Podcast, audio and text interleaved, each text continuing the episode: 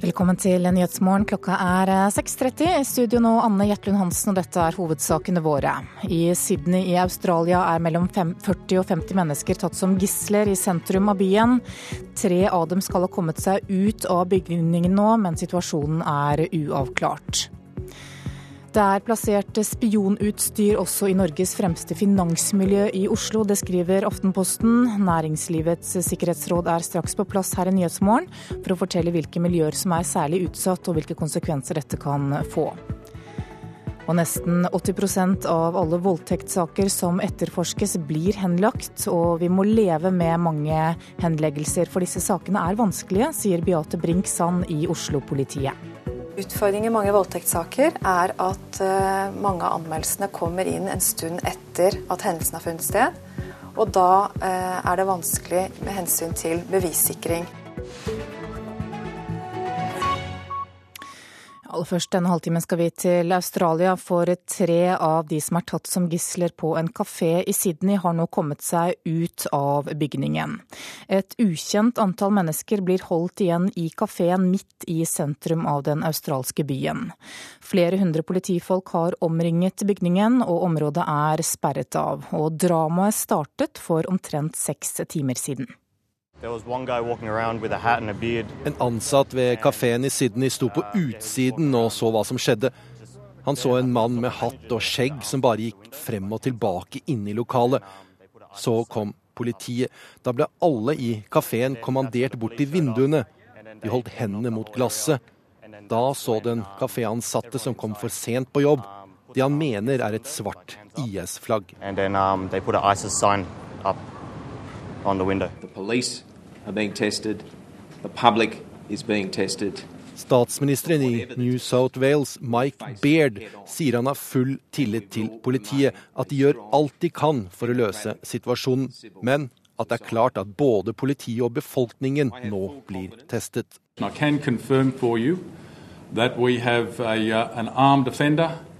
Politisjefen Andrew Scipioni bekrefter at det er minst én bevæpnet mann inne i lokalet, som holder et ukjent antall gisler. Politisjefen sier de gjør alt de kan for at den vanskelige situasjonen skal bli løst fredelig. Og det sa reporter Halvard eh, Sandberg. Videre til deg, Asia-korrespondent eh, Peter Svår. Hva kan du si om det som foregår inne i og rundt denne kafeen i øyeblikket?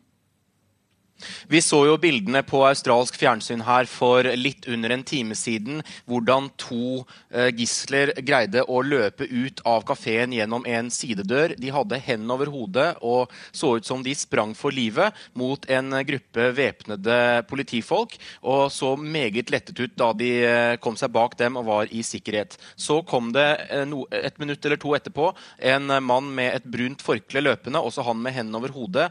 Tydelig en ansatt i kafeen som eh, da fulgte samme prosedyre og nå er i sikkerhet. Dette betyr at eh, det er tre gisler som nå har kommet seg ut, men kanskje enda viktigere for politiet betyr det at de nå har tre vitner de kan avhøre om eh, hvor mange som er der inne, hvor mange gisseltakere det er, hva slags bevæpning de har, og hvilke motiver de har. For eh, mye av denne informasjonen er jo foreløpig ikke kjent. Så kom det melding for kort tid siden også om at politiet har hatt kontakt med gisseltakerne. Hva kan du si om det? Ja, Sydney-politiets forhandlere har nå kontakt med gisseltakeren eller gisseltakerne, så det er en dialog der. Det er jo ofte bedre enn alternativet. Eh, foreløpig vet vi jo ikke noe om kravene deres. Det en australsk journalist har eh, sagt, som har, sier han har vært i kontakt med et av gislene, er at det er et krav om en dialog med statsminister Tony Abbott, men det er ikke ikke bekreftede opplysninger nå. Eh, denne dialogen vil jo da også eh, bringe på det rene hva slags krav dette er, og hvem som står bak. Eh, det er jo flere gisler som har holdt opp et flagg som mange sier ligner på et IS-flagg i vinduene på denne kafeen eh, nå i morgentimene. Det er ikke sikkert at dette er et IS-flagg. Det kan også være fra andre islamistiske grupperinger. Eh, så det å bringe på det rene hvem som står bak, er jo eh, også viktig. Og så er spørsmålet hvorfor. Dette er det første terroranslaget eller den første terroraksjonen mot Australia på australsk jord. De har ikke opplevd slike angrep eh, tidligere. Eh, men landet har jo sammen med Eh, flere andre land sendt soldater til kampen mot IS. Rundt 600 australske soldater ble tidligere i høst sendt for å ta del i den multinasjonale styrken mot IS i Syria og Irak. Har det også vært noen kontakt med gislene som er inne i dette kafébygget i løpet av natten? Eh, det er altså enkelte australske journalister som hevder at de har hatt telefonkontakt med gislene, men de har ikke da ønsket å navngi dem av hensyn til deres egen sikkerhet. Eh, og de har gjengitt eh, litt hva disse gislene har sagt til dem, men dette er jo veldig usikre og ubekreftede opplysninger. og En sånn opplysning er altså at et av gislene skal ha sagt til en journalist at det er eh, et, et krav her om dialog med regjeringen. Men vi vet jo veldig lite foreløpig om hvor mange gisseltakere som er der inne, hvordan gislene har det, eh, og hva slags eh, våpen eller hva, slags, hva de blir truet med. Det vil jo politiet nå få større klarhet i, fordi det altså er tre som har kommet seg fri. Og det at tre har klart å rømme, kan jo også tyde på at det ikke er en stor gruppe gisseltakere som da man vil anta kanskje ville hatt en større mulighet til å ha full kontroll over alle utgangene til denne kafeen. Hvordan er trusselnivået i Australia i øyeblikket? Det er ganske likt som eh, i Norge og i mange andre vestlige land. Eh, Australia har eh, et antall fremmedkrigere som har reist til Midtøsten og til Syria for å kjempe for IS. Det er noe regjeringen i Australia har vært bekymret for, på samme måte som man har vært det i både Norge og Storbritannia og mange land i Europa. Og så har Australia altså sendt styrker for å bekjempe IS som del av den multinasjonale eh, styrken for noen måneder siden. Og det er klart at det øker jo også trusselnivået eller, eh, eller landets profil eh, for denne type angrep. Om det er noen sammenheng, det er det for tidlig å si. Dette er bare spekulasjoner, og vi vet ikke engang hvem det er som står bak. Men, men eh, trusselnivået mot Australia er på den måten ganske likt som andre land som deltar i kampen mot IS, også Norge. Takk skal du ha, Asia-korrespondent Peter Svaar, og vi følger selvfølgelig utviklingen i denne saken utover morgenen. Seks boliger med 19 personer totalt er evakuert etter at det gikk et jordras i et boligområde i Flekkefjord i Vest-Agder i natt. Et hus har skader etter raset, mens fem andre er evakuert for sikkerhets skyld, ifølge politiet. Norges vassdrags- og energidirektorat er kontaktet og skal undersøke området nå på morgenen.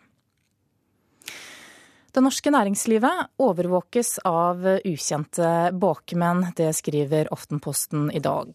Fra før så er det kjent at hemmelige falske basestasjoner høyst sannsynlig er i bruk rundt flere sentrale bygninger i hovedstaden, slik som Stortinget og statsministerboligen. Og nå ser også finanssektoren ut til å være rammet. Utstyret som nå er oppdaget skal være enda mer avansert enn det som tidligere har blitt funnet. Det er høy sannsynlighet for at det står såkalte falske basestasjoner på Aker Brygge, Tjuvholmen og Lysaker, alle sentrale finanskvartaler. Utstyret fungerer slik at når den fanger opp signalene fra en mobil den jakter på, kan den tappe tekstmeldinger, avlytte samtaler eller hente ut data fra mobilen. Det sa reporter Vegard Valestrand. Direktør Jack Fischer Eriksen i Næringslivets sikkerhetsråd, velkommen. Takk for det. Aller først, hvordan reagerer du på det du hører her? Dette er jo selvfølgelig skremmende. Eh, for Næringslivets sikkerhetsråd så er ikke dette nyheter som eh, vi ikke kjenner til fra tidligere. Eh, men omfanget av det som nå fremlegges, er skremmende også for oss. Ja, hva er det dere kjenner til fra tidligere? Næringslivets sikkerhetsråd har jo datakriminalitet bl.a. som en av områdene vi fokuserer på. Og datakriminalitet består av mange faktorer. Og metodene som benyttes, kan jo være mange forskjellige. Og denne metoden er også kjent for oss, selvfølgelig. Ja, På hvilken måte da? Nei, altså ved å uh, Altså metodebruk for innhenting av informasjon uh, er mange måter alt fra menneskelig til uh, digital innhenting. Og IMSI-catcher er ikke omtalt for første gang, og således så kjenner vi til den problematikken. Ifølge en sikkerhetsekspert som Aftenposten har vært i kontakt med, så er avlytting i disse områdene svært nyttig for dem som ønsker å drive industrispionasje og innsidehandel. Hvilke konsekvenser kan dette her få? Dette kan jo få alvorlige konsekvenser for de berørte virksomheter. Vi har i år gjort en mørketallsundersøkelse som sier noe om datakriminalitet. Og I den undersøkelsen så fremkommer det at over 50 av norske virksomheter er utsatt for datainnbrudd. Derimot så vet bare 5% om dette selv. Dvs. Si at mørketallet er minst 45% Dvs. Si at mange selskap er ikke klar over at de blir avlyttet eller dataovervåket. Og dette kan jo få alvorlige konsekvenser i forhold til de bedriftshemmeligheter som måtte lekkes ut. Hvilke virksomheter i dette området som Aftenposten har sett på her, kan være ekstra utsatt for spionasje, da?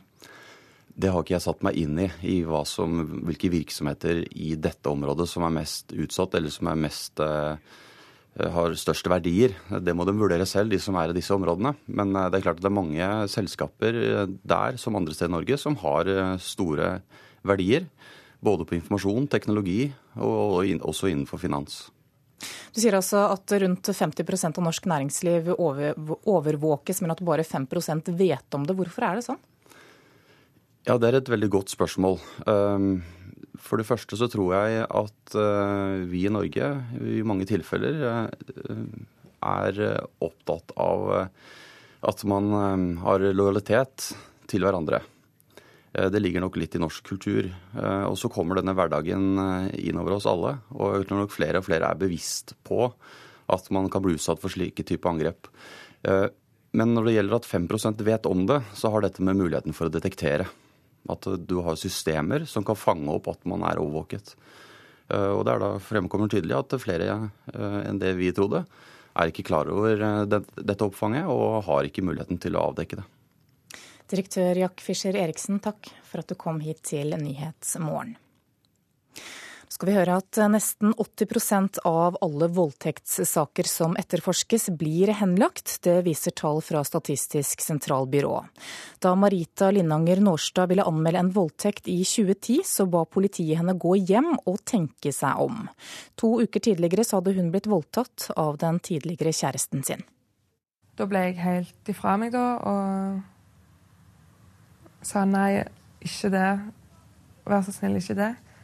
Så tok han tak i håret mitt og dro meg bort på eh, sengekanten. Så begynte han å dra ned buksa si. Ekskjæresten til Marita Lindanger Nårstad hadde vært ustabil og oppført seg truende lenge. En dag bandt han henne fast, trua og voldtok henne i hennes egen leilighet. Jeg tror jeg bare lå og grein da han prøvde å kysse meg, og så snudde jeg meg vekk. Og så hadde jeg null, null krefter i kroppen. Jeg hadde ikke sjans, hadde ikke sjans til å slåss tilbake. To uker seinere klarte hun å samle nok mot til å gå til politiet. Men møtet med myndighetene ble ikke som hun hadde trodd. Politibetjenten sa at det var få bevis at det var påstand mot påstand. Ifølge Nårstad og hennes advokat råda politibetjenten Marita til å la være å anmelde pga. den høye henleggelsesprosenten på voldtektssaker. For nær åtte av ti voldtektssaker som etterforskes, blir nemlig henlagt. Så er eh, oppklaringsprosenten for voldtektssaker ikke eh, så høy. Den er for lav. Sier Astrid Birgitte Borge i Politidirektoratet. Vårt mål er at enhver voldtektssak gis prioritet og etterforskes så grundig som mulig, slik at ingen saker henlegges pga. mangler ved etterforskningen. I fjor ble 727 voldtektsanmeldelser henlagt. Det er strenge krav til bevis i slike saker, sier Beate Brinksand, påtaleleder ved seksjon for vold og seksualforbrytelser ved Oslo politidistrikt. Beviskravene er strenge, og sånn må det være av hensyn til rettssikkerheten. Rundt halvparten av alle voldtektsanmeldelser skjer i Oslo. Brink Sand sier vi må leve med mange henleggelser også i framtida. For voldtektssaker er vanskelige. Utfordringen i mange voldtektssaker er at uh, mange av anmeldelsene kommer inn en stund etter at hendelsen har funnet sted. Og da uh, er det vanskelig med hensyn til bevissikring. Sikring av spor på stedet. Og uh, både kriminaltekniske spor Eh, og at de ofte ikke har vært vitner til hendelsen. Marita Lindanger Nårstad valgte å anmelde ekskjæresten tross det første møtet med politiet. Tre år etter voldtekten ble han dømt til seks år i fengsel i lagmannsretten. Nårstad mener politiet brukte fryktelig lang tid på saken. Det syns jeg er ganske utrolig, at de ikke kan fordele oppgavene litt mer. At de bare blir liggende på en pult. Reportere her det var Kirsti Haga Honningsøy, David Krekling og Irina Kjelle. Da skal vi se hva avisene har på forsidene sine i dag. Aftenposten fortsetter som vi hører avsløringene om overvåking. Ifølge avisen så er det plassert avansert spionutstyr for mobilovervåking sentralt i Norges fremste finansmiljøer, bl.a. på Aker Brygge, Tjuvholmen og Lysaker. Lederen i Politiets Fellesforbund, Sigve Bolstad, krever at Hordaland politidistrikt blir gransket etter alt som har kommet frem denne høsten. Ifølge Bergens Tidende så ber han nå politimesteren om å hyre inn eksterne granskere for å undersøke situasjonen. Dagens Næringsliv forteller at eh, flyselskapet Norwegian klager konkurrenten SAS inn for EU og EFTAs overvåkningsorgan ESA. Ledelsen i selskapet mener nemlig at eh, SAS har en urettmessig konkurransefordel fordi det har en skandinavisk driftstillatelse, mens Norwegian har en driftstillatelse som er norsk. SAS avviser at dette gir dem noen fordeler. Nasjonen skriver at norske kommuner føler seg tvunget til å øke boligskatten for å redde egen økonomi. Fire av ti kommuner foreslår nå å øke boligskatten for sine innbyggere. Dagsavisen har bilde av et ektepar på en fjelltopp i Irland på forsiden sin i dag, med overskriften 'Nærmere Norge kommer ikke kona til Trond'. Trond Botnen må nemlig møte sin bolivianske kone Tonka på ferie i Irland, fordi landet ligger utenfor Schengen. Paret har ventet i ti måneder på at Utlendingsdirektoratet skal behandle søknaden om gjenforening, slik at de kan bo sammen i Norge, og over 13 000 personer er i samme situasjon som dem. Vårt Land skriver at fattige land i Asia og Latin-Amerika blir frastjålet sandstrendene sine, fordi sand er så etterspurt i byggeindustrien. Flere landsbyer langs kysten som tidligere har ligget i ly bak sandbanker, forsvinner derfor ut i havet. Og Klassekampen skriver at et regjeringsoppnevnt utvalg går inn for et forslag som vil endre Fiskeri-Norge. Utvalget vil nemlig vrake fiskernes enerett til å eie fiskekvoter og båter, og også slippe til selskapene på eiersiden. Skal vi ha sport her i Nyhetsmorgen, og nærmere bestemt eh, håndball. Polens landslagssjef Kim Rasmussen mener resten av håndballverdenen må se til Norge for å utvikle idretten. Dansken er svært imponert over arbeidet som gjøres i norske håndballhaller. Jeg syns det er inspirerende. Jeg håper at, jeg håper at de andre, andre, nasjoner uh, selvfølgelig vil kikke mot Norge, hvor, hvor grundig de gjør deres arbeid. Rasmussen mener særlig de norske jentenes treningsiver skiller seg ut. Spesielt den energi de legger i deres trening. Det er måske det, det land i verden der trener aller hardest og aller flest ganger, og det har de gjort i mange år. Landslagsspiller Ida Alstad er enig med Polens trener. Hun mener kulturen har endret seg i norsk håndball de siste ti årene. Bedre nå, tror jeg, enn kanskje når jeg var 16 år. Det er blitt litt mer kultur, og det er blitt mer populært å trene. og vi vet vel mer hva som trengs, og hva som skal til for at du skal nå i toppen.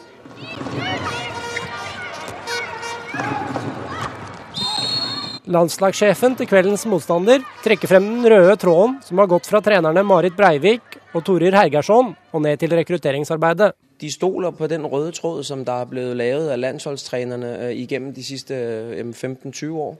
Og det arbeidet, det ser man bare, det bærer frukt. Og selv om man snakket om sidste år, at Norge hadde en lille krise, jamen så står de altså her et år efter og er i hvert fall storfavoritter til å bli europamester. Og reporter her, det var Fredrik Stuve, og du kan høre kampen mellom Polen og Norge i NRK P1 fra klokka 18.10. Nå hører du på Nyhetsmorgen, og klokka er 6.49. Dette er hovedsakene våre. Et ukjent antall mennesker blir holdt igjen i en kafé midt i Sydney i Australia. Flere hundre politifolk har omringet kafeen, og området er sperret av. Og siste er at eh, tre av gislene altså har greid å rømme. I Norges fremste finansmiljø på Aker Brygge og Tjuvholmen i Oslo så er det utplassert spionutstyr, det skriver Aftenposten i dag. Og nesten 80% av alle voldtektssaker som etterforskes, blir henlagt.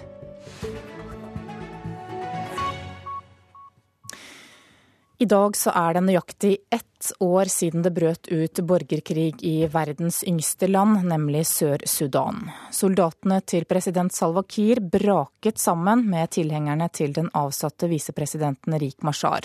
Og dette skjedde bare to og et halvt år etter at landet fikk sin etterlengtede frihet fra resten av Sudan. Etter ett år med krig så blir lidelsene for de sivile bare verre og verre. Maten kommer fra himmelen. Fly dropper forsyninger til noen av de mange sørsudanerne som har måttet flykte hjemmefra det siste året. Det bor mellom 11 og 12 millioner mennesker i dette nye landet. Nesten halvparten av dem trenger nå hjelp pga. borgerkrigen. These people really, they don't have shelter, no food even. Dette er mennesker som verken har mat eller tak over hodet, sier James Tutt, som arbeider for sør-sudanesisk Røde Kors. Innpå to millioner mennesker har måttet flykte fra hjemmene sine. Over 600 000 av dem igjen har flyktet til naboland, de fleste til Etiopia. Dette er en borgerkrig med etniske overtoner. President Salwa Kiir tilhører folkeslaget dinka, den avsatte visepresidenten Rik Mashar tilhører nuerne. Gang på gang blir det avtalt våpenhvile. Gang på gang blir avtaler brutt. Det er ingen offisielle tall på hvor mange som er drept siden denne brutale krigen startet for ett år siden. The International Crisis Group anslår 50 000, mens diplomater i landet mener det kan være dobbelt så mange. Det sa utenriksmedarbeider Anette Groth. Spesialrådgiver Odd Evjen i Kirkens Nødhjelp, velkommen. Takk skal du ha. Du kom tilbake fra Sør-Sudan for noen eh, uker siden, og vi hører her at halvparten av befolkningen i landet nå trenger hjelp. Hvordan opplevde du den humanitære situasjonen for innbyggerne? Eh, folk flest er veldig avhengig av bistand ennå. Det er over to millioner på flukt, og en tredjedel av landets befolkning trenger hjelp. Det som vi er mest engstelige for nå, er tørketiden som vi går inn i. Hvor eh, framkommeligheten blir bedre, altså vi får ut mer hjelp. Men vi, også, vi frykter også for en økt militær uro. Eh, og, og, det er vel først og fremst denne frykten som preger situasjonen akkurat nå. For dagen i dag, ettårsmarkeringen, om den går normalt, så har vi ennå tre-fire måneder foran oss med stor frykt for hva som kan skje. Hvordan ser folk som du snakket med under ditt besøk på sin egen situasjon og for situasjonen for landet sitt? Hvis vi tar utgangspunkt i de kvinner og barn hovedsakelig som er på flukt, så har de en veldig vanskelig situasjon. Eh, det å ikke vite om dagen i morgen vil komme med mat, eller og det er stor manko på utdanning. Vi mister en hel generasjon av barn og utdanning. Eh, det som de trenger først og fremst er fred, våpenstillstand. Folk lengter etter å kunne gå tilbake til jordene sine og dyrke jorda. Men det, dette er helt avhengig av en politisk løsning mellom toppene i, i partiet. Ja, Hva skal til for å få til det? Stort internasjonalt press må nå til, fordi som det ble sagt her, gang på gang brytes avtaler. Det har nå vært to konsultasjonsprosesser på hver sin side som avdekker at det er stor uenighet om politisk eh, fordeling av makt mellom president, visepresident og statsministerembetet.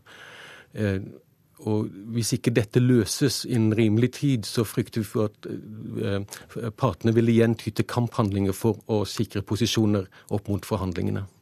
Men er det egentlig noen andre enn de som har startet denne krigen, altså disse to lederne, som kan stoppe den? Det regionale presset, altså nabolandene, eh, har en stor innflytelse. Eh, eh, FN må tyngre inn på banen.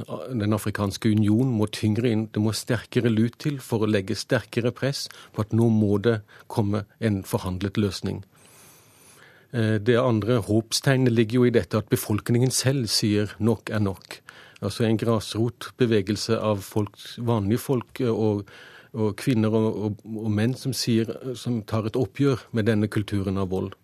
Men det er en lengre prosess for å få til en slik prosess. Odd Evian, spesialrådgiver i Kirkens Nødhjelp, takk for at du kom hit til Nyhetsmorgen. Det er en eh, dårlig idé å gi statlig støtte til selskaper som vil spille inn film i Norge. Det mener IT-bransjens organisasjon, nemlig IKT Norge.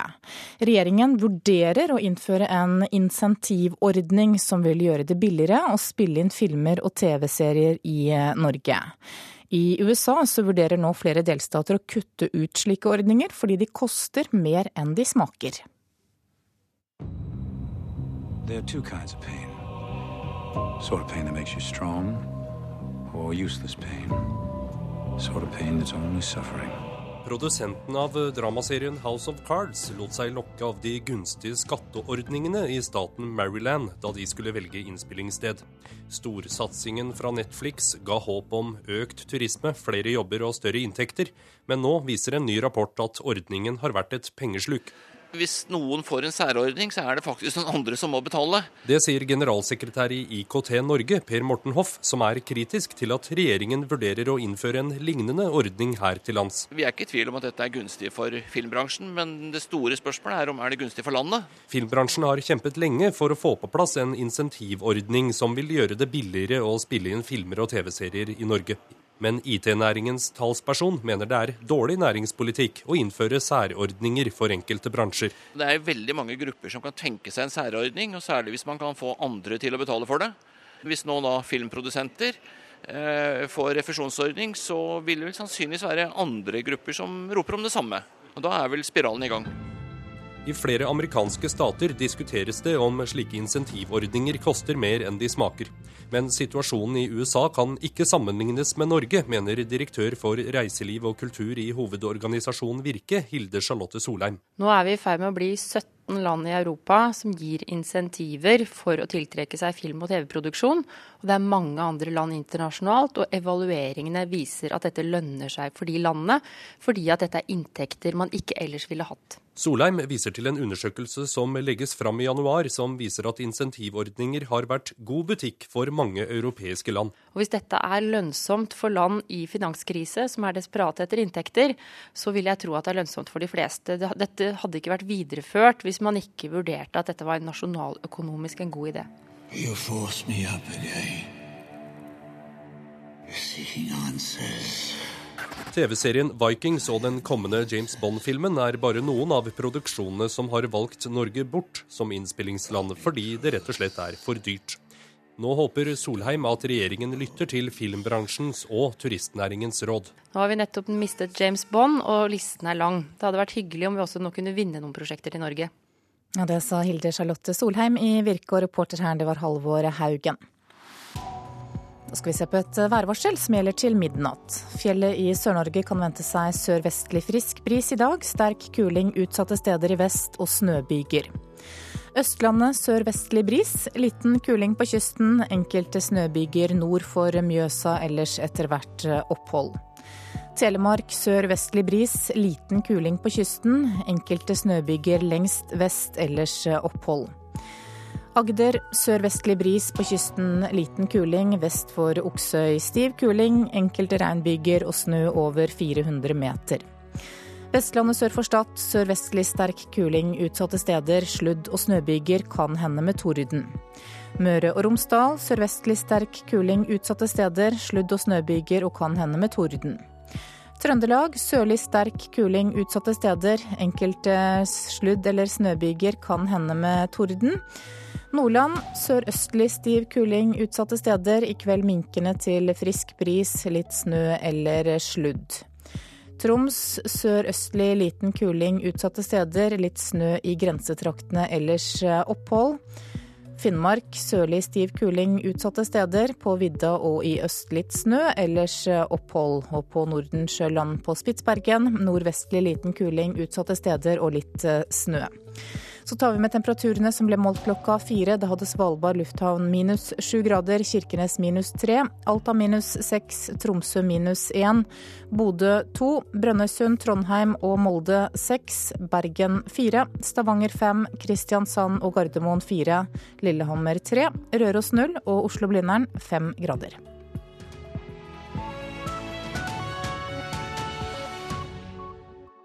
Spillerom i dag. I 40 år har han styrt Kirkelig kulturverksted med fast hånd. Hvilken innspilling er den viktigste for Erik Hillestad? Det er et av spørsmåla han kommer til å få. Så spørs det kan svare, da.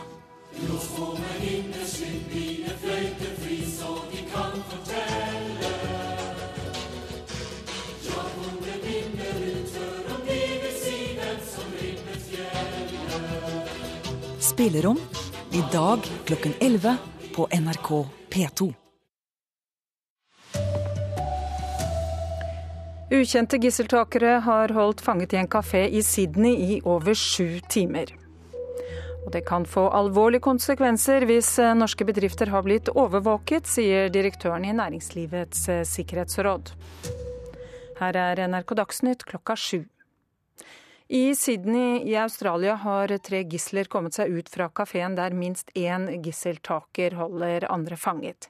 TV-bildet viser de tre løpende ut av en sidedør i retning av væpnet politifolk rundt hjørnet.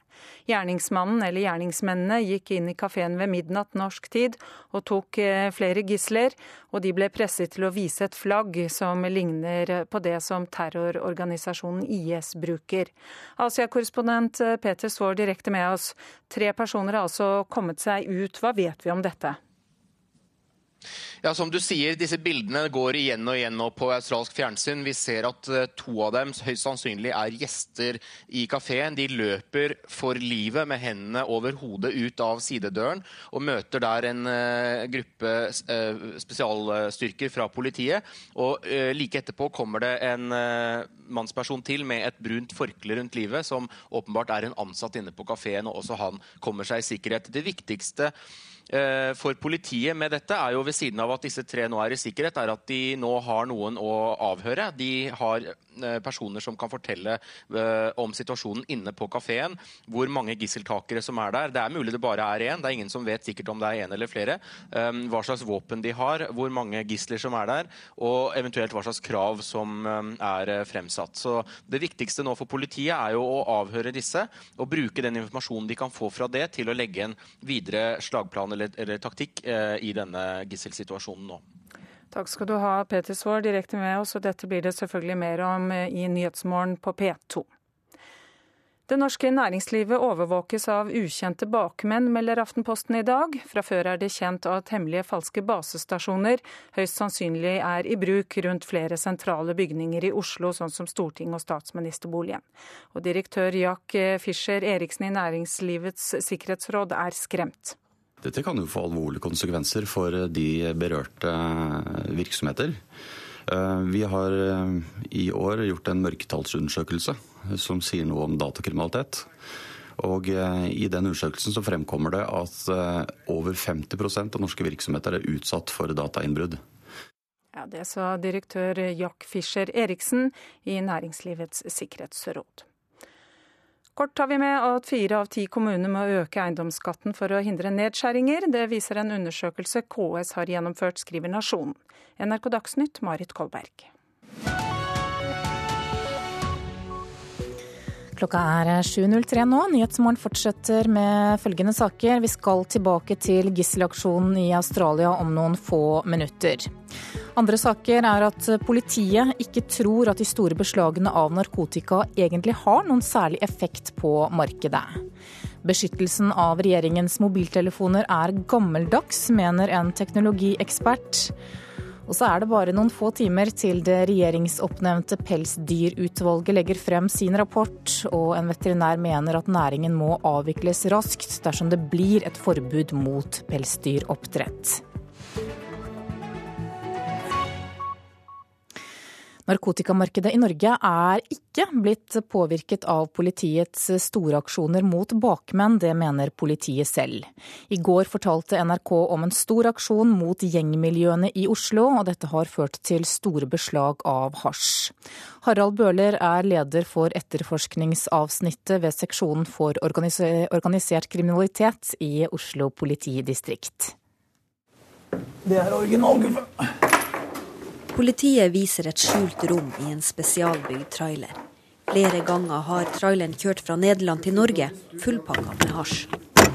helt til den ble stoppa i september i år som en del av storoperasjonen Ikaros. Og helt innerst så er det rom eh, som eh, når vi stanset den, hadde 100 kg med hasj i seg. I løpet av året er 600 kg hasj beslaglagt fra det politiet mener er samme kriminelle miljø. I en annen storaksjon i november fikk politiet tak i 100 kilo kokain, amfetamin og heroin. Likevel går narkotikamarkedet sin vante gang, tror politiinspektør Einar Aas i Oslo-politiet. Nå har vi jo hatt eh, to store saker i år med betydelige beslag av eh, narkotika. Skulle gjerne sagt at det hadde betydning, men er nok redd for at eh, det ikke har nevneverdig betydning i forhold til tilgang på markedet. Ingen vet hvor mye narkotika som blir brukt i Norge i dag, men Statens institutt for rusmiddelforskning anslår at det blir omsatt rundt 1,5 tonn heroin i året. Ca. 4% blir beslaglagt, forteller forskningsleder Anne Line Bredtvill Jensen. Hvis vi kan tenke at det, situasjonen er noenlunde samme for hasj og kokain, amfetamin osv., så, videre, så er det klart at det, sånne beslag ikke får kjempebetydning for eh, disse markedene. Hvorfor ikke? Både, eh, det er mange som eh, importerer og selger disse stoffene. sånn at om én eh, selger slås ut for en periode, så, så vil det fort være andre som erstatter vedkommende. For at det virkelig skal merkes på gata, må politiet gjøre mange ganger større beslag hvert år, anslår politiinspektør Aas. Vi mener faktisk at vi måtte gjort denne type beslag kanskje både fire og fem ganger før det hadde fått innflytelse på tilgangen på markedet. Og Det å bruke så mye ressurser og, så lang tid på slike saker, er det da litt bortkastet? Nei, tvert imot. Det er mulig at det er kampen man ikke kan vinne, men man bør absolutt ikke tape den. Og det å være inne og forstyrre denne formidable svarte økonomien som kommer gjennom narkotika og profitt fra narkotika, det tror jeg er viktig og kanskje rett og slett litt undervurdert. Reportere her var Kristine Svendsen og Olav Rønneberg. Leder for foreningen Human narkotikapolitikk, Arild Knutsen, velkommen. Takk for det. Politiet tror altså ikke at disse store narkobeslagene i år har hatt en effekt på markedet. Hva er din oppfatning? Det kan jeg bekrefte, for vi ser jo at det foretas store beslag eh, støtt og stadig. Og mens eh, handelen går sin vante gang både i hasjmarkedet på Grønland, i Oslo f.eks., og på kokainmarkedet, som har blomstret opp veldig i Oslo i det siste. Og dessuten så er jo heroin, amfetamin, metamfetamin og tabletter jevnt tilgjengelig hele tiden.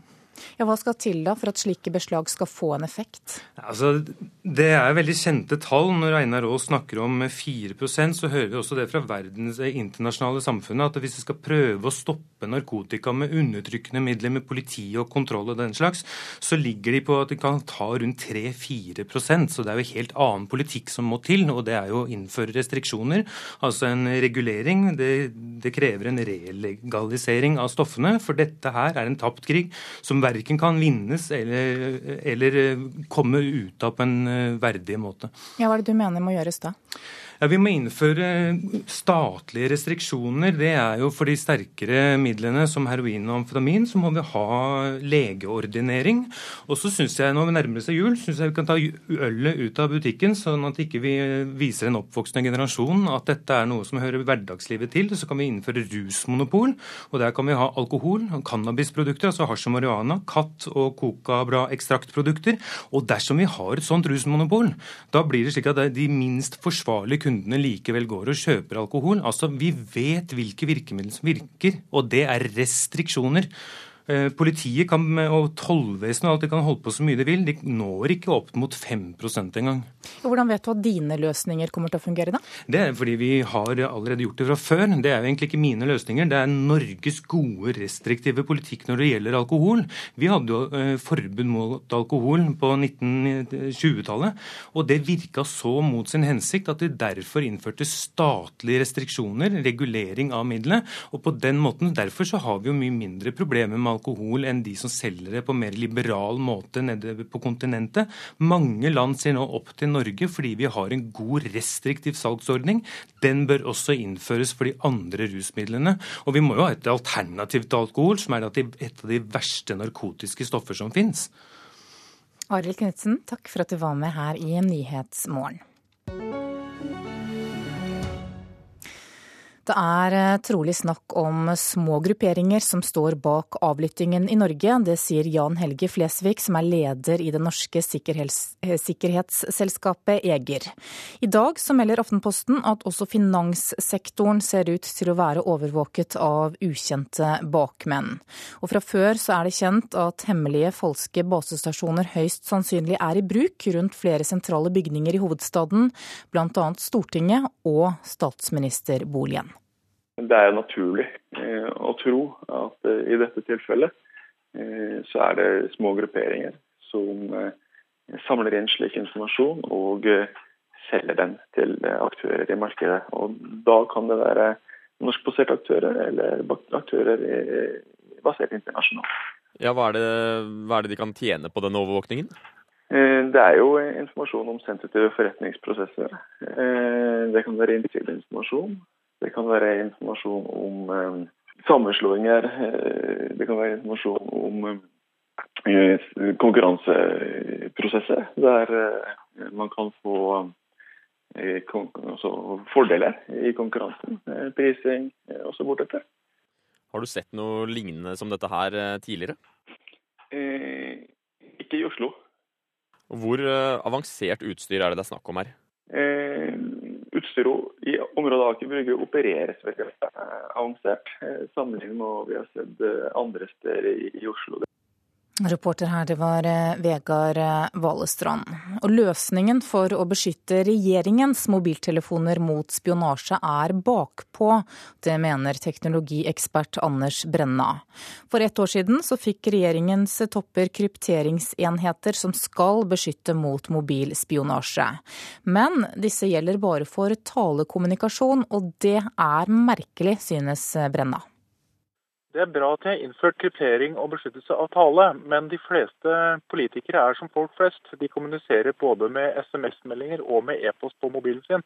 Jeg stusser over at de ikke også har sikra den type form for kommunikasjon. Aftenposten avslørte i helgen muligheten for ulovlig mobilspionasje, bl.a. i områdene rundt Stortinget og regjeringskontorene. Det betyr at regjeringens mobilbruk, utenom snakking, kan ha blitt overvåket. Det var Nasjonal sikkerhetsmyndighet, NSM, som innførte et nytt krypteringssystem i fjor. Informasjonssjef Kjetil Berg Veire vil ikke stille til intervju, men svarer i en e-post at Løsningen ble tatt på bakgrunn av de funksjonelle kravene brukerne hadde den gang. Fordelen med løsningen er at den kan brukes uavhengig av om du har Android eller IOS-telefon. Den er uavhengig av plattform. Han skriver at det er en balanse mellom sikkerhet og funksjonalitet. Og dette er valget som ble tatt den gang. Hvorvidt det er bedre løsninger på markedet som er sikre nok nå, vurderer vi fortløpende. Brenna, som jobber i firmaet Knowit, sier at det finnes flere løsninger som også beskytter meldinger. Det kan virke litt som at man tenker at i gamle dager så brukte man mobilen til å ringe. Men det er jo slik at folk flest bruker nå mer mobilen til andre ting, som å surfe på data, til å sende meldinger til den type ting. Så det å forholde seg til mobiltelefon som en taleenhet, og kun det, det er veldig gammeldags. Jeg, jeg syns det er rart at ikke politikerne får en verktøy som de også kan bruke til å sende meldinger. Reportere her, det var Katrin Hellesnes og Gunn Evy Austad.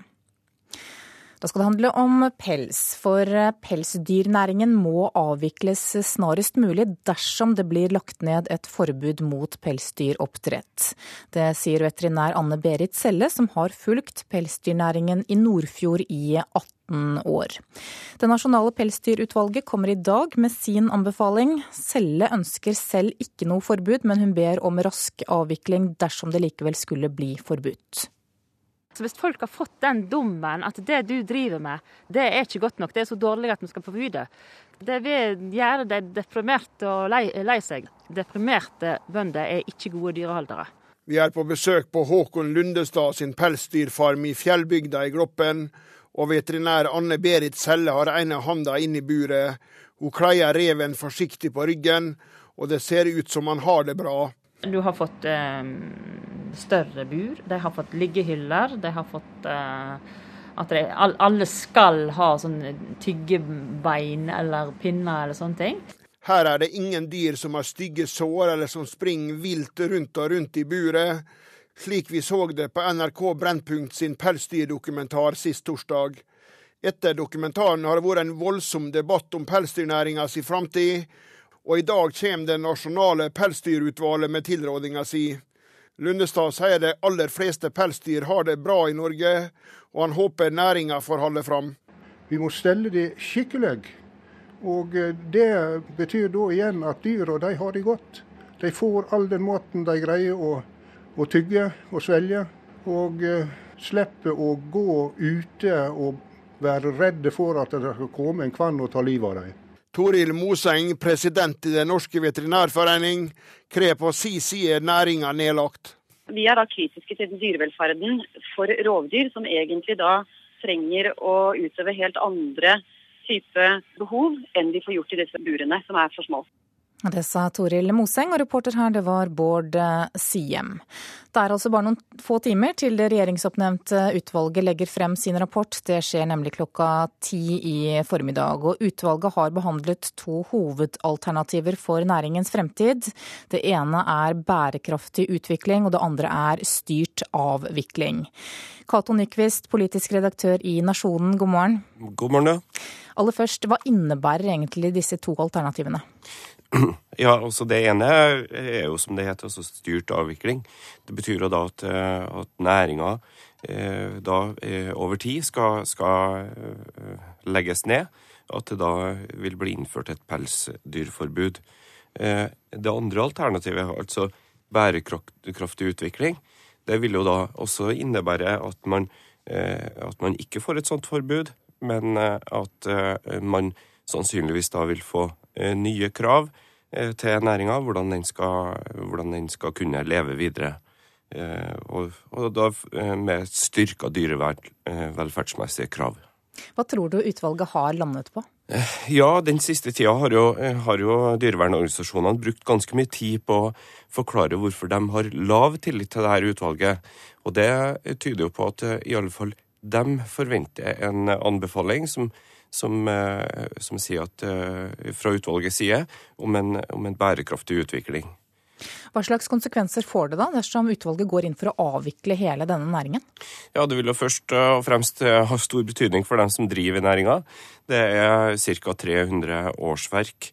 De omsetter for nærmere en halv milliard kroner. Det er en høy verdiskapning.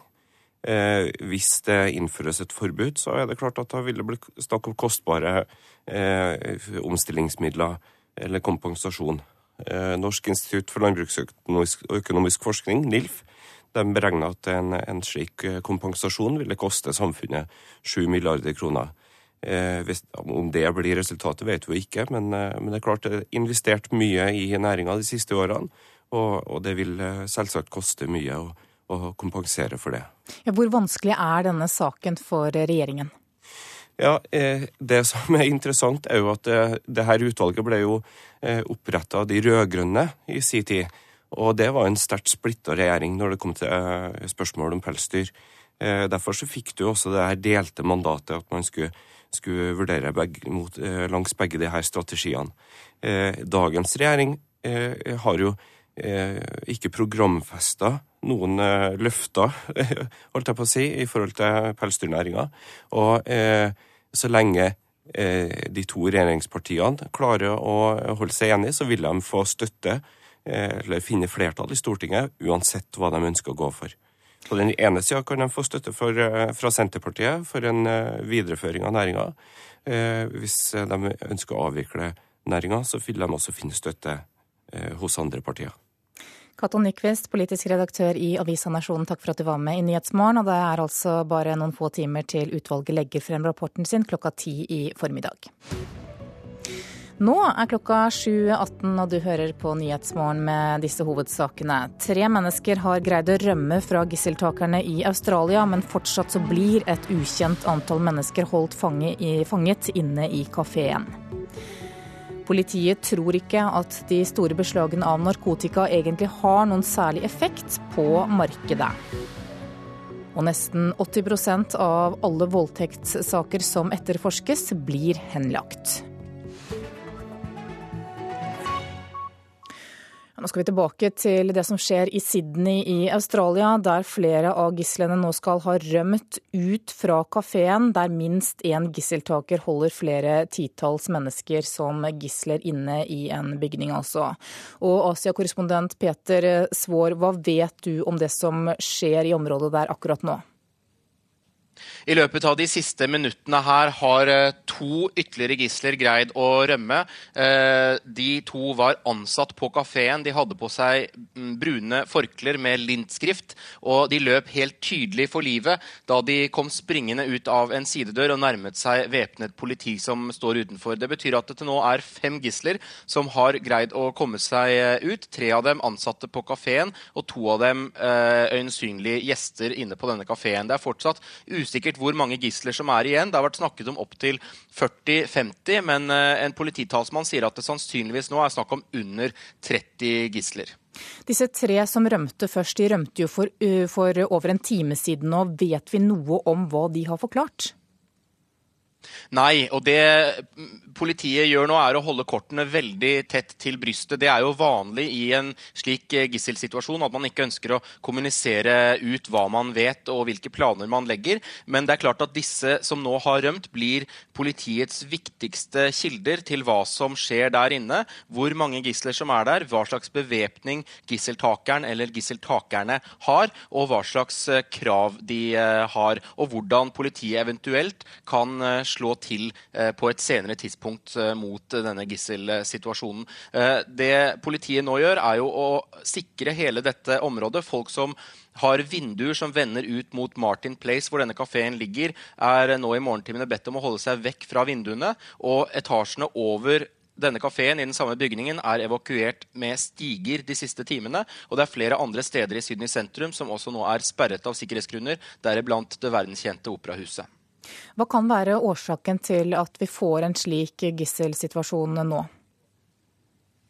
Det er jo fortsatt uklart hvem som står bak, men det var tre gisler som i starten av denne eh, gisselsituasjonen holdt opp eh, svarte flagg med hvit skrift, som kan være IS-flagg fra eh, terrorgruppen IS. Det kan også være fra andre islamistiske grupper. Det har vært en spent situasjon i Australia mellom politiet og den, deler av den muslimske befolkningen de siste månedene. Det var et stort antiterrorraid i september i år hvor et titalls adresser ble ransaket. Det var flere arrestasjoner, og det var også en 18 år gammel IS-sympatisør som ble skutt og drept av politiet.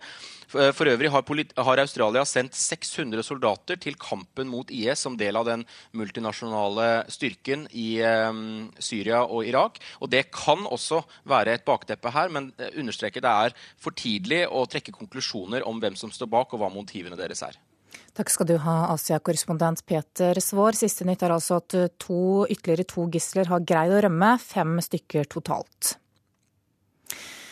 I Storbritannia så kommer det nå krav om at USA må fortelle om britisk etterretning var involvert i den systematiske torturen av fanger etter terrorangrepet 11.9.2001. Forut for publiseringen av den omfattende rapporten om tortur som ble frigitt i forrige uke, så ba Storbritannia om at landet ikke skulle bli omtalt. Og begrunnelsen var sikkerhetsmessige årsaker.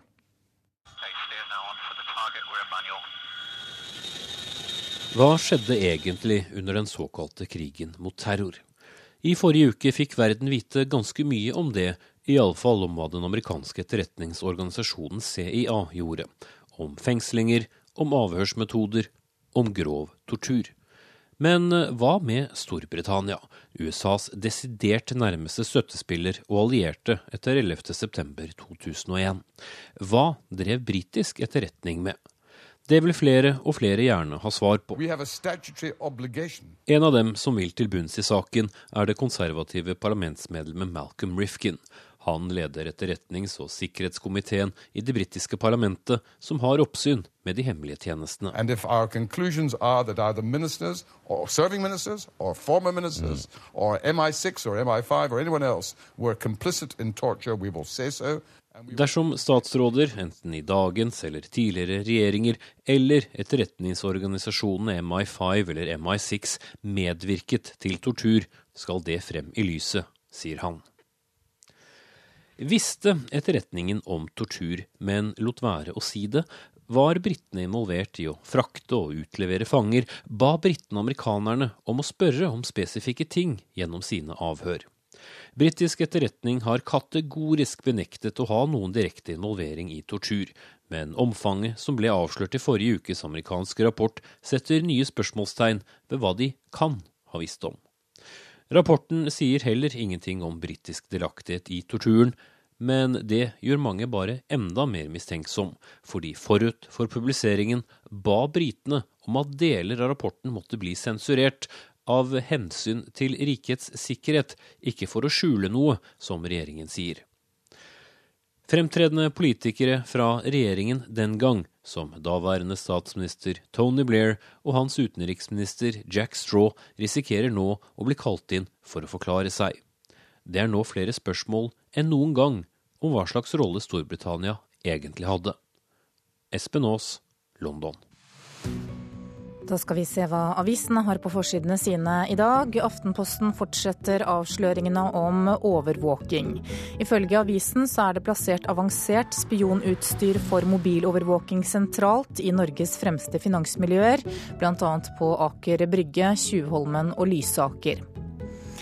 Lederen i Politiets Fellesforbund, Sigve Bolstad, krever at Hordaland politidistrikt blir gransket etter alt som har kommet frem denne høsten.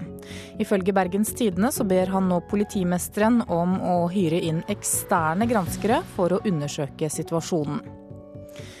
Dagens Næringsliv forteller at flyselskapet Norwegian klager konkurrenten SAS inn for EU og EFTAs overvåkingsorgan ESA.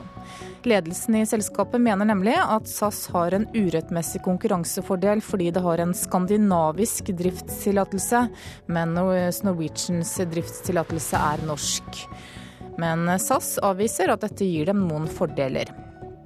Nasjonen skriver at norske kommuner føler seg tvunget til å øke boligskatten for å redde egen økonomi.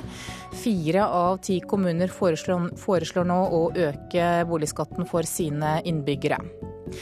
Dagsavisen har bilde av et ektepar på en fjelltopp i Irland på forsiden sin i dag med overskriften 'Nærmere Norge kommer ikke kona til Trond'. Trond Botnen må nemlig møte sin bolivianske kone Tonka på ferie i Irland fordi landet ligger utenfor Schengen. Paret har ventet i ti måneder på at Utlendingsdirektoratet skal behandle søknaden om familiegjenforening, slik at de kan bo sammen i Norge. Og over 13 000 personer er i samme situasjon som dem. Vårt Land skriver at fattige land i Asia og Latin-Amerika blir frastjålet sandstrendene sine fordi sand er så etterspurt i byggeindustrien. Flere landsbyer langs kysten som tidligere har ligget i ly bak sandbankene, forsvinner derfor ut i havet. Klassekampen skriver at et regjeringsoppnevnt utvalg går inn for et forslag som vil endre Fiskeri-Norge. Utvalget vil nemlig vrake fiskernes enerett til å eie fiskekvoter og båter, og også slippe til selskapene på eiersiden. Helse Førde vil ha flere kvinner på kurs for å lære dem å håndtere sinnet sitt. I flere år har helseforetaket hatt tilbud om kurs i sinnemestring, og i stor grad så har det vært menn som har fått plass. Jan Erik Wiig, som selv har tatt kurs for å bli mindre sint, mener det er på høy tid at flere kvinner nå får dette tilbudet. Jeg ser jo veldig mye at det gjelder veldig mange kvinner og ikke bare menn. altså. Det, du kan se på, du, jeg, ser det, jeg, ser det, mye lettere nå enn før når jeg er på besøk hos venner. At oi, her skulle kanskje de hatt noe hjelp, liksom. Vi møter Jan Erik Wiig hjemme i Florø. Som en av flere titalls andre menn i Sogn og Fjordane har han gått på kurs for å klare å styre sinnet sitt. Flere kvinner bør også få dette tilbudet, sjøl om det kan være en tung prosess å komme i gang, mener han. Det var vanskelig å finne frem, men det var veldig fint når du fant frem. Det er Indre Sogn psykiatrisenter i Sogndal som styrer tilbudet om sinnemeistringskurs i Sogn og Fjordane. Og så langt er det stort sett menn som har fått hjelp mot sitt sinne. Psykolog og seksjonsleder Øystein Sande er overtydd om at mange kvinner her i fylket vil ha behov for dette. Det vi nå har et sterkt ønske om, det er at kvinnene kommer på banen. Eh, for vi ønsker å kjøre òg egne kvinnegrupper i forhold til uh, sinnemestring. Vi vet jo òg at uh, det er jo slik at den type aggresjonsproblematikk er egentlig like mye representert hos kvinner som hos menn. Kvinner og menn som føler at sinnet deres er i ferd med å gå utover de næreste, bør ta kontakt med helsevesenet om det. Da kan en få hjelp, mener klinisk sosionom Laila Hagen. Jeg tenker det er viktig at en våger å sette litt ord på det. At en, en tør å si noe om at jeg har blitt for sint en gang. Og jeg tror det kan gjelde de fleste av oss. Slik at det å, å våge å, å, si noe om det, at i dag eller i går eh, ble jeg for sint på ungene mine. Eh, og da å, å tåre å si det til venninna eller til helsesøstera eller noen, å kunne starte det sånn, det tror jeg er viktig. Reporter her, det var Geir Bjarte Jetland. Du lytter til Nyhetsmorgen. Klokka nærmer seg 7.30 og Dagsnytt. Produsent for Nyhetsmorgen i dag heter Kari Bekken Larsen, og her i studio Anne Jetlund Hansen.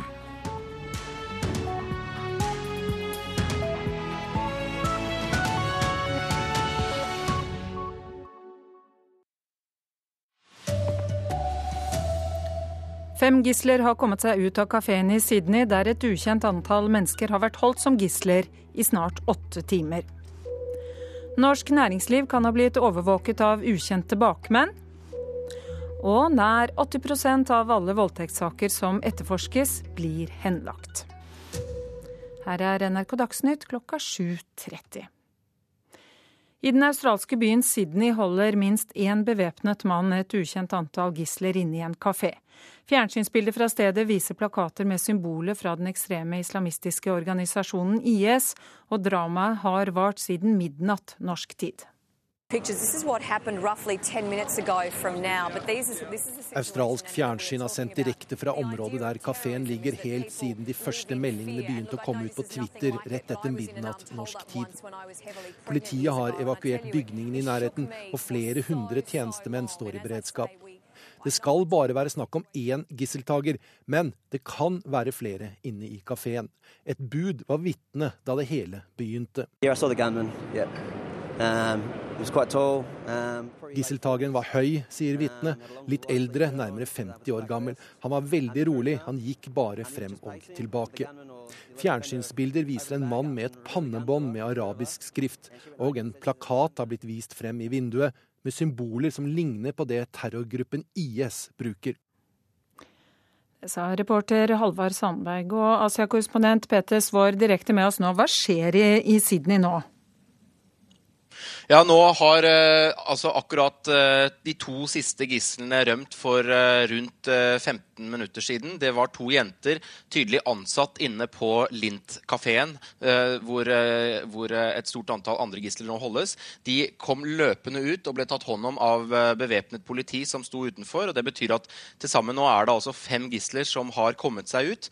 Det er ikke klart hvor mange som er igjen der inne, men ifølge Catherine Byrne, som er visekommissær for politiet i New South Wales, er det nå ikke så mange som 30 gisler som er igjen inne i denne kafeen. Og så har politiet vært i kontakt med den ene eller eh, de flere. Vi vet jo ikke hvor mange gisseltakere det er snakk om. Hva, hva vet vi om eh, hvem denne mannen eller de, disse menneskene er? Ja, Politiet har ikke ønsket å si særlig mye om det. De holder kortene tett til brystet nå, som jo er vanlig i slike gisselsituasjoner. Men vi vet at eh, flere av gislene i begynnelsen av dette dramaet holdt opp eh, et flagg i vinduet på denne kafeen med arabisk skrift. Dette er et flagg som eh, skal være brukt av, ikke av IS, men av An-Nusra-fronten, forsvarsfronten for Stor-Syrias folk, en organisasjon med forbindelser til Al Qaida.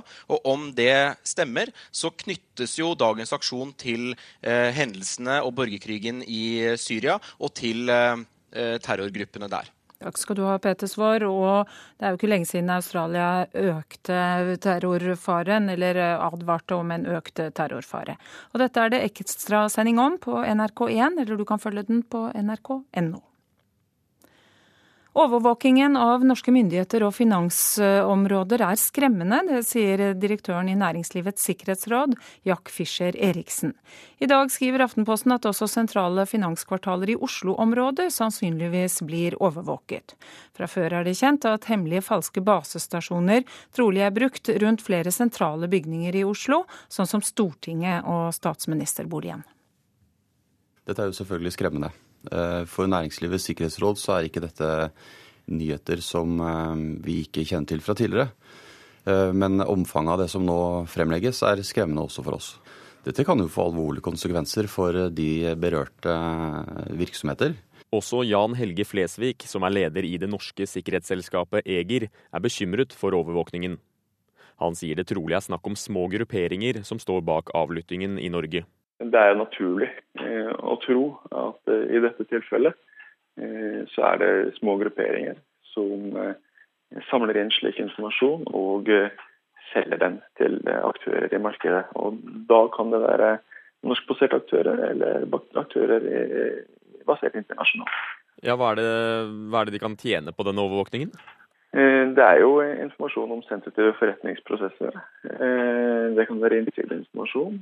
Det kan være informasjon om eh, sammenslåinger. Eh, det kan være informasjon om eh, konkurranseprosesser der eh, man kan få eh, altså fordeler i konkurransen. Eh, prising og så bortetter. Har du sett noe lignende som dette her tidligere? ikke i Oslo. Hvor avansert utstyr er det det er snakk om her? Utstyret i området Aker Brygge opereres veldig avansert, eh, sammenlignet med hva vi har sett eh, andre steder i Oslo. Reporter her var eh, Vegard Valestrand. Og Løsningen for å beskytte regjeringens mobiltelefoner mot spionasje er bakpå, mener teknologiekspert Anders Brenna. For et år siden fikk regjeringstopper krypteringsenheter som skal beskytte mot mobilspionasje. Men den gjelder bare for talekommunikasjon, og det er merkelig, syns Brenna. Det er bra at de har innført kryptering og beskyttelse av tale, men de fleste politikere er som folk flest. De kommuniserer både med SMS-meldinger og med e-post på mobilen sin. Jeg stusser over at de ikke også har sikra den type form for kommunikasjon. Aftenposten avslørte i helgen muligheten for ulovlig mobilspionasje, bl.a. i områdene rundt Stortinget og regjeringskontorene. Det betyr at regjeringens mobilbruk, utenom snakking, kan ha blitt overvåket. Det var Nasjonal sikkerhetsmyndighet, NSM, som innførte et nytt krypteringssystem i fjor. Informasjonssjef Kjetil Berg Veire vil ikke stille til intervju, men svarer i en e-post at Løsningen ble tatt på bakgrunn av de funksjonelle kravene brukerne hadde den gang. Fordelen med løsningen er at den kan brukes uavhengig av om du har Android eller IOS-telefon. Den er uavhengig av plattform. Han skriver at det er en balanse mellom sikkerhet og funksjonalitet. Og dette er valget som ble tatt den gang. Hvorvidt det er bedre løsninger på markedet som er sikre nok nå, vurderer vi fortløpende. Brenna, som jobber i firmaet Knowit, sier at det finnes flere løsninger som også beskytter meldinger. Det å forholde seg til mobiltelefon som en taleenhet, og kun det, det er veldig gammeldags. Reporter i denne saken var Katrin Hellesnes og Gunn Evy Austad. Politiet henla flere enn 700 voldtektsanmeldelser i fjor. Nær 80% av alle voldtektssaker som blir etterforsket, blir henlagt, viser tall fra Statistisk sentralbyrå. Og oppklaringsprosenten er ikke høy nok, innrømmer Astrid Birgitte Borge i Politidirektoratet. Den er for lav, og vårt mål er at enhver voldtektssak gis prioritet og etterforskes så grundig som mulig, slik at ingen saker henlegges pga. mangler ved etterforskningen. Det er viktig å uh, få frem at uh, fornærmede må raskest mulig anmelde forholdet, slik at politiet kan sikre eventuelle spor og dermed få best mulig grunnlag for en god etterforskning. Narkotikamarkedet i Norge har ikke blitt påvirket av politiets store aksjoner mot bakmenn, tror politiet. I går fortalte NRK om en omfattende politiaksjon mot gjengmiljøene i Oslo, som altså førte til store hasjbeslag. Det er originalguffe. Politiet viser et skjult rom i en spesialbygd trailer. Flere ganger har traileren kjørt fra Nederland til Norge, fullpakka med hasj helt til den ble stoppa i september i år som en del av storoperasjonen Ikaros. I løpet av året er 600 kilo hasj beslaglagt fra det politiet mener er samme kriminelle miljø. I en annen storaksjon i november fikk politiet tak i 100 kilo kokain, amfetamin og heroin. Likevel går narkotikamarkedet sin vante gang, tror politiinspektør Einar Aas i Oslo-politiet. Skulle gjerne sagt at det hadde betydning, men er nok redd for at eh, det ikke har nevneverdig betydning i forhold til tilgang på markedet. Ingen vet hvor mye narkotika som blir brukt i Norge i dag, men Statens institutt for rusmiddelforskning anslår at det blir omsatt rundt 1,5 tonn heroin i året. Ca. 4% blir beslaglagt, forteller forskningsleder Anne Line Bredtvill Jensen. Hvis vi kan tenke at det, situasjonen er noenlunde samme for hasj og kokain, amfetamin osv., så, videre, så er det klart at det, sånne beslag ikke får kjempebetydning for eh, disse markedene.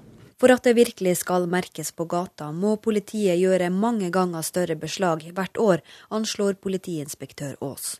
Vi mener faktisk at vi måtte gjort denne type beslag kanskje både fire og fem ganger før det hadde fått innflytelse på tilgangen på markedet. Reporter Kristine Svendsen. Hovedsak i denne sendingen har altså vært eh, gisselsituasjonen i Sydney, der eh, et ukjent antall menn har tatt et ukjent antall gisler til fange i en kafé. Ansvarlig for sendingen Jean Erik Bjørnskau, teknisk ansvarlig Frode Thorshaug, og jeg heter Marit Kolberg.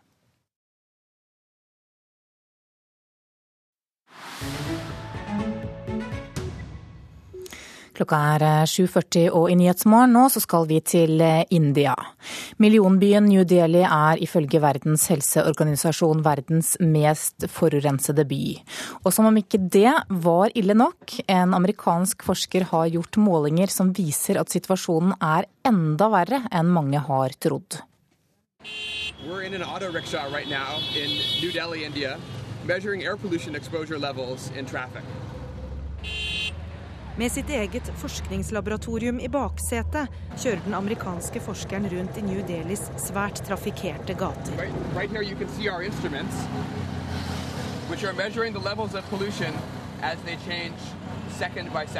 den motoriserte sykkeldrosjen på tre hjul er åpen. Forurensningen fra de andre riksjåene som konkurrerer om plassen med biler og busser av alle slag, går rett inn i Joshua Aptays apparater.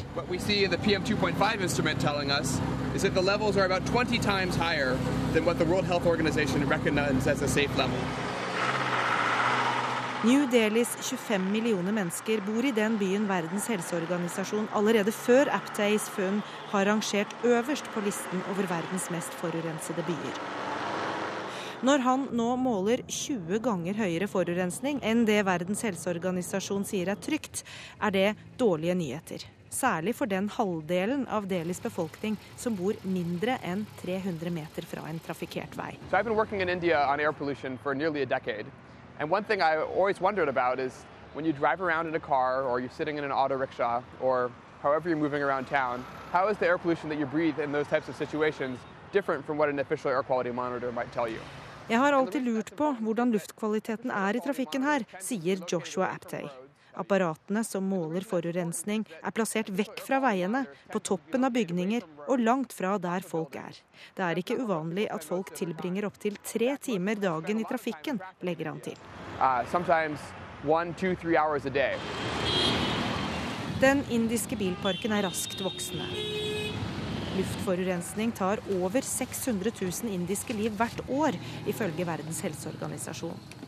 Statsminister Narendra Modi har kuttet ut rabatten på diesel som inderne har hatt, men drivstoffprisene må opp på internasjonalt nivå hvis det allerede skyhøye forurensningsnivået ikke skal bli enda høyere, mener eksperter. Folk i New Delhi lurer på om det er trygt å ta seg en tur ut, ifølge den amerikanske forskeren. Right? Um, you know, is it safe for my kid to be playing cricket on the field here? These are the types of things that ordinary people will ultimately want to know. And just having three or four monitors or even 10 monitors around a city can't tell you that information. You really need is a high resolution map for that. I think this is another really important area of research where um, it can actually lead to something that really informs the public as well as advancing science. Trafikken er ikke eneste forurensningskilde i Indias store byer. Industri, kraftverk og søppelbrenning bidrar også til topprangeringen. Men det kan tolkes positivt, mener Joshua Apday, for det betyr at det er flere som kan bidra til å klarne lufta over New Delhi. Reporter her, det var Gry Blekastad Almås. Klokka nærmer seg 7.44. Du lytter til Nyhetsmorgen. Dette er hovedsakene i denne morgenen. I Sydney i Australia så har fem mennesker nå greid å komme seg ut av kafeen, der en eller flere gjerningsmenn holder et ukjent antall mennesker som gisler. Flere hundre politifolk har omringet kafeen, og området er sperret av.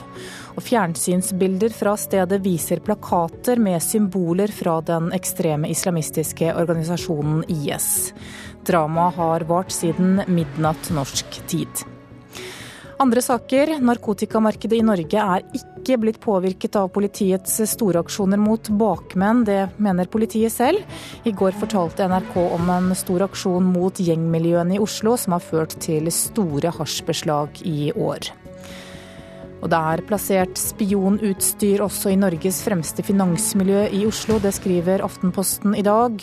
Beskyttelsen av regjeringens mobiltelefoner er, den er gammeldags. Det mener en teknologiekspert som NRK har snakket med. Klokka nærmer seg 7.45. Du skal få Politisk kvarter, og programleder i dag det er Bjørn Myklebust.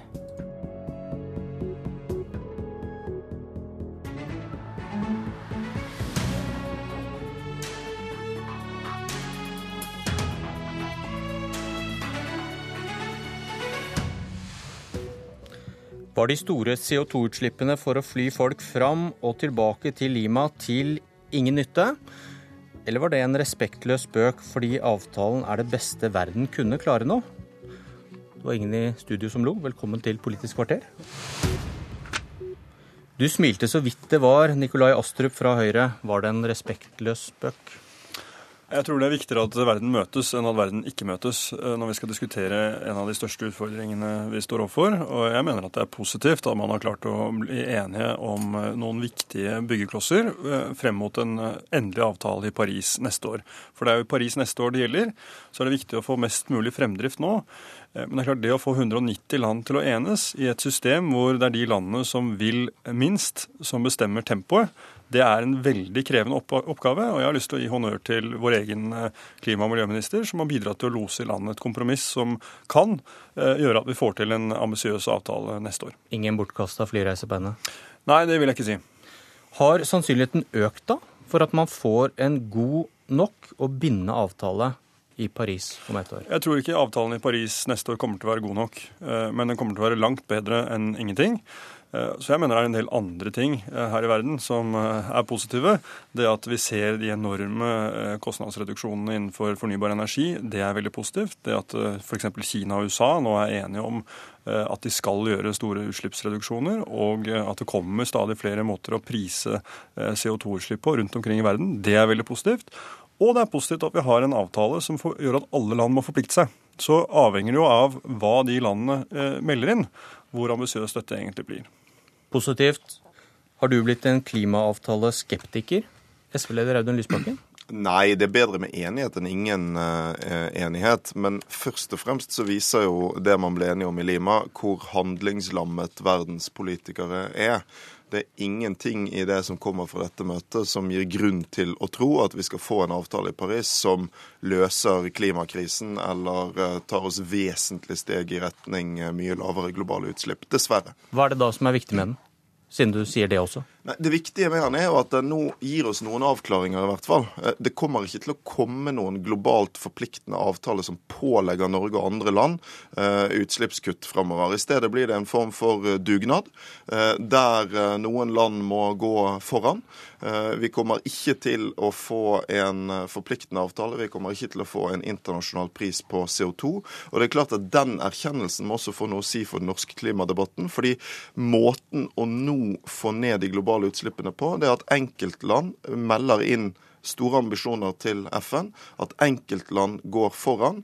Eh, både for å sette en standard for kommende internasjonale forhandlinger, for å få i gang den teknologiutviklingen verden trenger for å få utslippene ned, og for å vise at det grønne skiftet eh, faktisk er mulig. Og Da er jo spørsmålet har Norge tenkt å være et av de modige landene som går først, for vi er jo et av de landene som faktisk har kapasiteten til å gjøre det. Den eneste i rommet som faktisk var der, Ola Elvestuen, nestleder i Venstre. Ble du en klimaavtaleskeptiker av å være i Peru?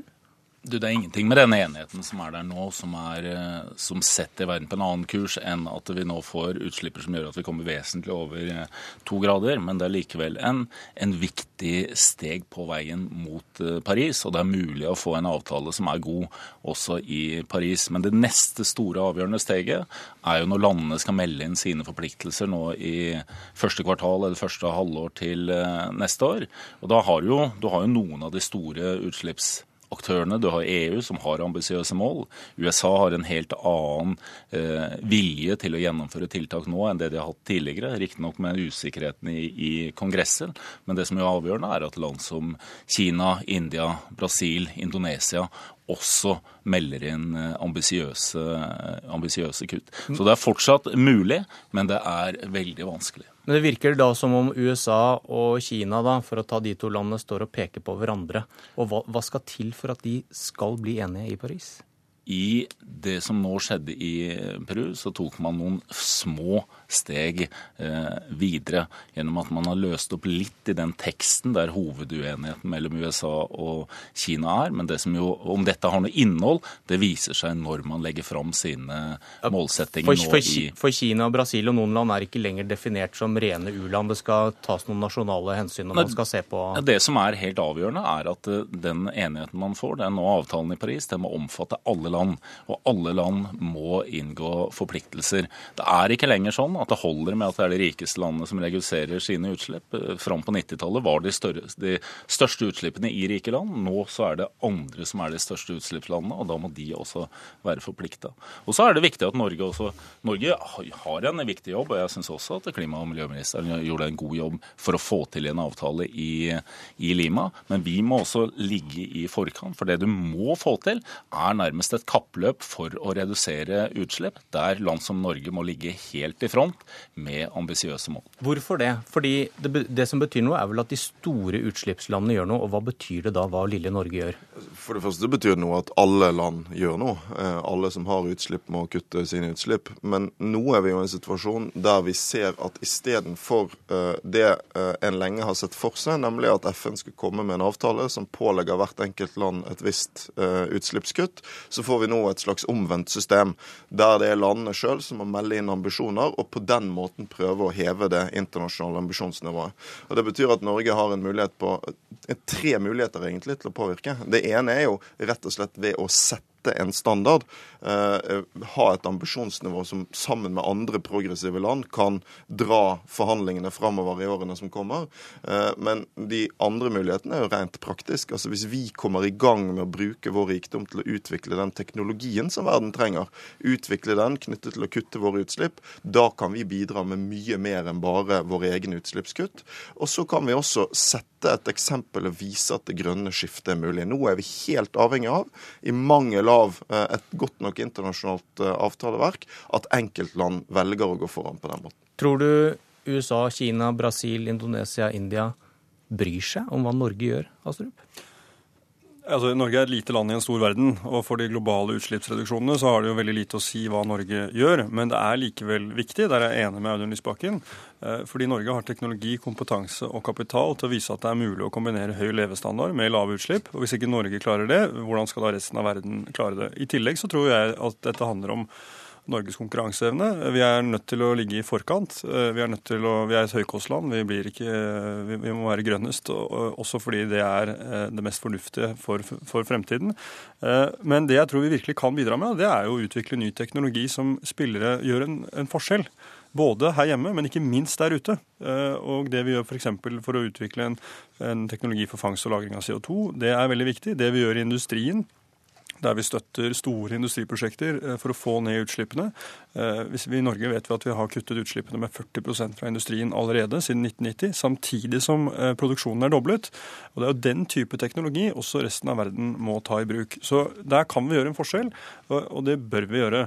Og Hvis ikke vi klarer å redusere utslippene her hjemme, hvordan skal vi da forvente at andre skal klare det med mye dårligere ressurstilgang enn det vi har? Det Norge gjør har en betydning. Det har vi vist internasjonalt, særlig med regnskogsatsing og bevaring av regnskog, hvor jo Norge på mange måter har gått eh, foran. Fått til avtaler med, med, store land med mye skog, enten det er Brasil eller det er, eh, det er Indonesia, Peru. Colombia, Ecuador nå det siste, og der også andre land følger etter innenfor den samme modellen, sånn at du får større, du får større trykk. Og Så er det jo det samme vi må gjøre her. Du må drive fram en teknologisk utvikling. Du må drive fram og vise at det er mulig å få til et skifte. Vi har vist det når det gjelder transportsektoren. Den elbilsatsingen som du har i, i Norge. Dette, dette, dette, må du få til i en mye større skala enn det vi har nå. Men du har eksempel på eksempel hvor det er mulig å gå foran, og også der andre kan lære av det det vi gjør, akkurat som vi må lære av andre land som Ok, det, Dere er enige om at Norge, Norge betyr noe, alle tre. Men Audun Lysbakken, da kommer spørsmålet hva skal Norge gjøre, og hva slags mål skal Norge ha? Da skjønner jeg, jeg har sett kopi av et brev som du har sendt, men ikke til alle i rommet? Nei. Så jeg, den debatten vi nå skal ha uh, på nyåret om hva som skal være Norges uh, klimamål for 2030, blir uhyre viktig. Uh, og med mangelen på en forpliktende internasjonal avtale, så blir det vi gjør, enda viktigere. Eh, det handler både om hva slags mål vi skal sette oss, men også om hvordan vi skal innrette de målene. Hvor mye skal vi ta innenlands, hvor mye skal vi ta utenlands? Eh, I hvor stor grad skal Norge bidra til en rettferdig klimaløsning, der vi sier at de rike landene har et eh, historisk ansvar osv. Og jeg mener at i den norske miljødebatten de siste årene så har eh, miljøpartiene, de som har vært mest progressive i klimaspørsmål, vært for dårlige til å samarbeide. Det er SV, det er sentrumspartiene, det er Miljøpartiet De Grønne.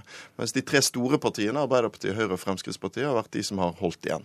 Eh, og Derfor så sendte jeg et brev for helgen når vi begynte å se hvordan det ville gå i Lima, til eh, partilederne i de andre miljøpartiene, Trine Skei Grande bl.a., for å invitere til felles diskusjon om hvor de norske klimamålene bør ligge, hva som er en rettferdig løsning, sånn at vi også kan etablere et felles press mot de store partiene for at Norge skal nå kunne bli et ambisiøst og progressivt land i den uh, internasjonale klimarunden vi, vi, går inn i. Det ville være noe nytt, istedenfor at vi krangler uh, oss imellom, at vi klarer å løfte i flokk. og Det tror jeg veldig mange som er opptatt av miljø, vil uh, sette pris på. Det høres ut som noe du bare sender for å plage dem, så du kan si at dere ville ikke være med, fordi du vet jo at de sitter og samarbeider på borgerlig side med en avtale i bånn. Men jeg kan ikke se at det er noen ting i den avtalen som skulle hindre de i å gå inn i en diskusjon med oss om uh, hva som kunne være en felles holdning fra de grønneste partiene rundt uh, klimamålene. Så hvis Eh, svaret på det skulle være at avtalen hindrer de i det, så, så vil jo det overraske meg. Jeg, det er tvert imot sånn at jeg, jeg, tror vi ville vært veldig godt tjent med å jobbe mer sammen, vi som mener omtrent det samme, sånn som Venstre f.eks. mener om klimapolitikken.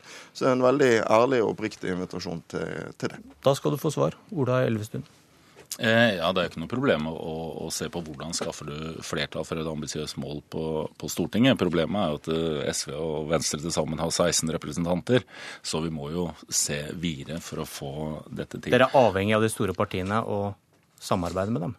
Når det gjelder gjennomføring av tiltak, når det gjelder budsjettsamarbeid, når det gjelder å få til de konkrete eh, forslagene som kan få ned utslippene, så er det klart at da gjør vi det på base i den eh, avtalen som vi har med regjeringspartiene, og som jeg mener at vi har vist også ved det budsjettet som er for neste år, at vi tar noen store steg i en mer miljøvennlig retning, spesielt da innenfor eh, transportsektoren, men også på andre områder. Men det som jeg er helt enig i, er at når vi nå skal sette målene for 2030, så, som fra Venstres side sine så mener vi at vi må være like ambisiøse som det er, man er i EU. Vi må ha 40% reduksjon også i Norge. I tillegg til det vi selvfølgelig skal gjøre internasjonalt, hvor vi må forsterke innsatsen. Det er fryktelig vanskelig. Det er 15 år til.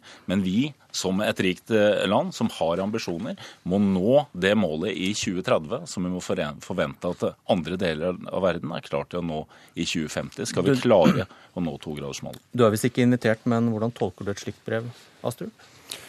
Nei, det er jo flott at eh, SV ønsker resultater i klimapolitikken. Eh, det taktskiftet i klimapolitikken det er vi allerede i gang med, med en ny regjering i samarbeid med Venstre og Kristelig Folkeparti. Jeg satt selv og forhandlet klimaforlik i Stortinget da SV satt i regjering. Eh, og det var ingen tvil om hvem som ledet an. Det var den daværende opposisjonen. Og hvem som var bremsekloss, det var den daværende regjeringen. Hvordan tolker du da et slikt brev? Så, nei, jeg, jeg tenker at nå er SV fri til å mene hva de vil, og det gjør de. Men det er altså på den andre siden av den politiske midtstreken at vi får resultater, og at vi er i gang med det politiske eh, taktskiftet i klimapolitikken. og det, eh, det, mener jeg er veldig eh, positivt. Så er jeg helt enig i at vi skal ha selvsagt skal vi ha et ambisiøst klimamål for Norge i 2030. Men der vet vi at vi får Men, ikke det tallet ennå. Og så må, må, vi være selvfølgelig også se hen til det faktum at halvparten av norske utslipp allerede er en del av EUs kvotesystem, så vi kan ikke agere helt uavhengig av det. Vi er nødt til å se det i sammenheng. Det var avslag, Lysbakken? Altså, Avslag fra Astrup er jeg jo ikke så overrasket over. Han var jo for så vidt heller ikke invitert. Eh, og, men, og, men, bare for å understreke det, sånn vi kommer ikke utenom de store partiene når det gjelder å få til noe til slutt. Spørsmålet er om ikke miljøpartiene kan klare å jobbe bedre for å presse de store partiene. Det Astrup kommer på slutten her, er jo bare retorikk. Altså Alle som er opptatt av miljø, ser jo at denne regjeringen er på en kurs som ikke løser problemene. Eh, har en statsminister som er kronisk uopptatt av miljø osv. Men men la nå det ligge, for det var ikke poenget. Det var ikke poenget. Det, det, var ikke, det var ikke poenget. Det, vi er så dårlige. Hva sier dere om deres innsats? Nå har jeg ordet, Astrup. Du er alltid mer opptatt av å snakke om forrige regjering enn om din egen. Det skjønner jeg godt, for den gjør ingenting.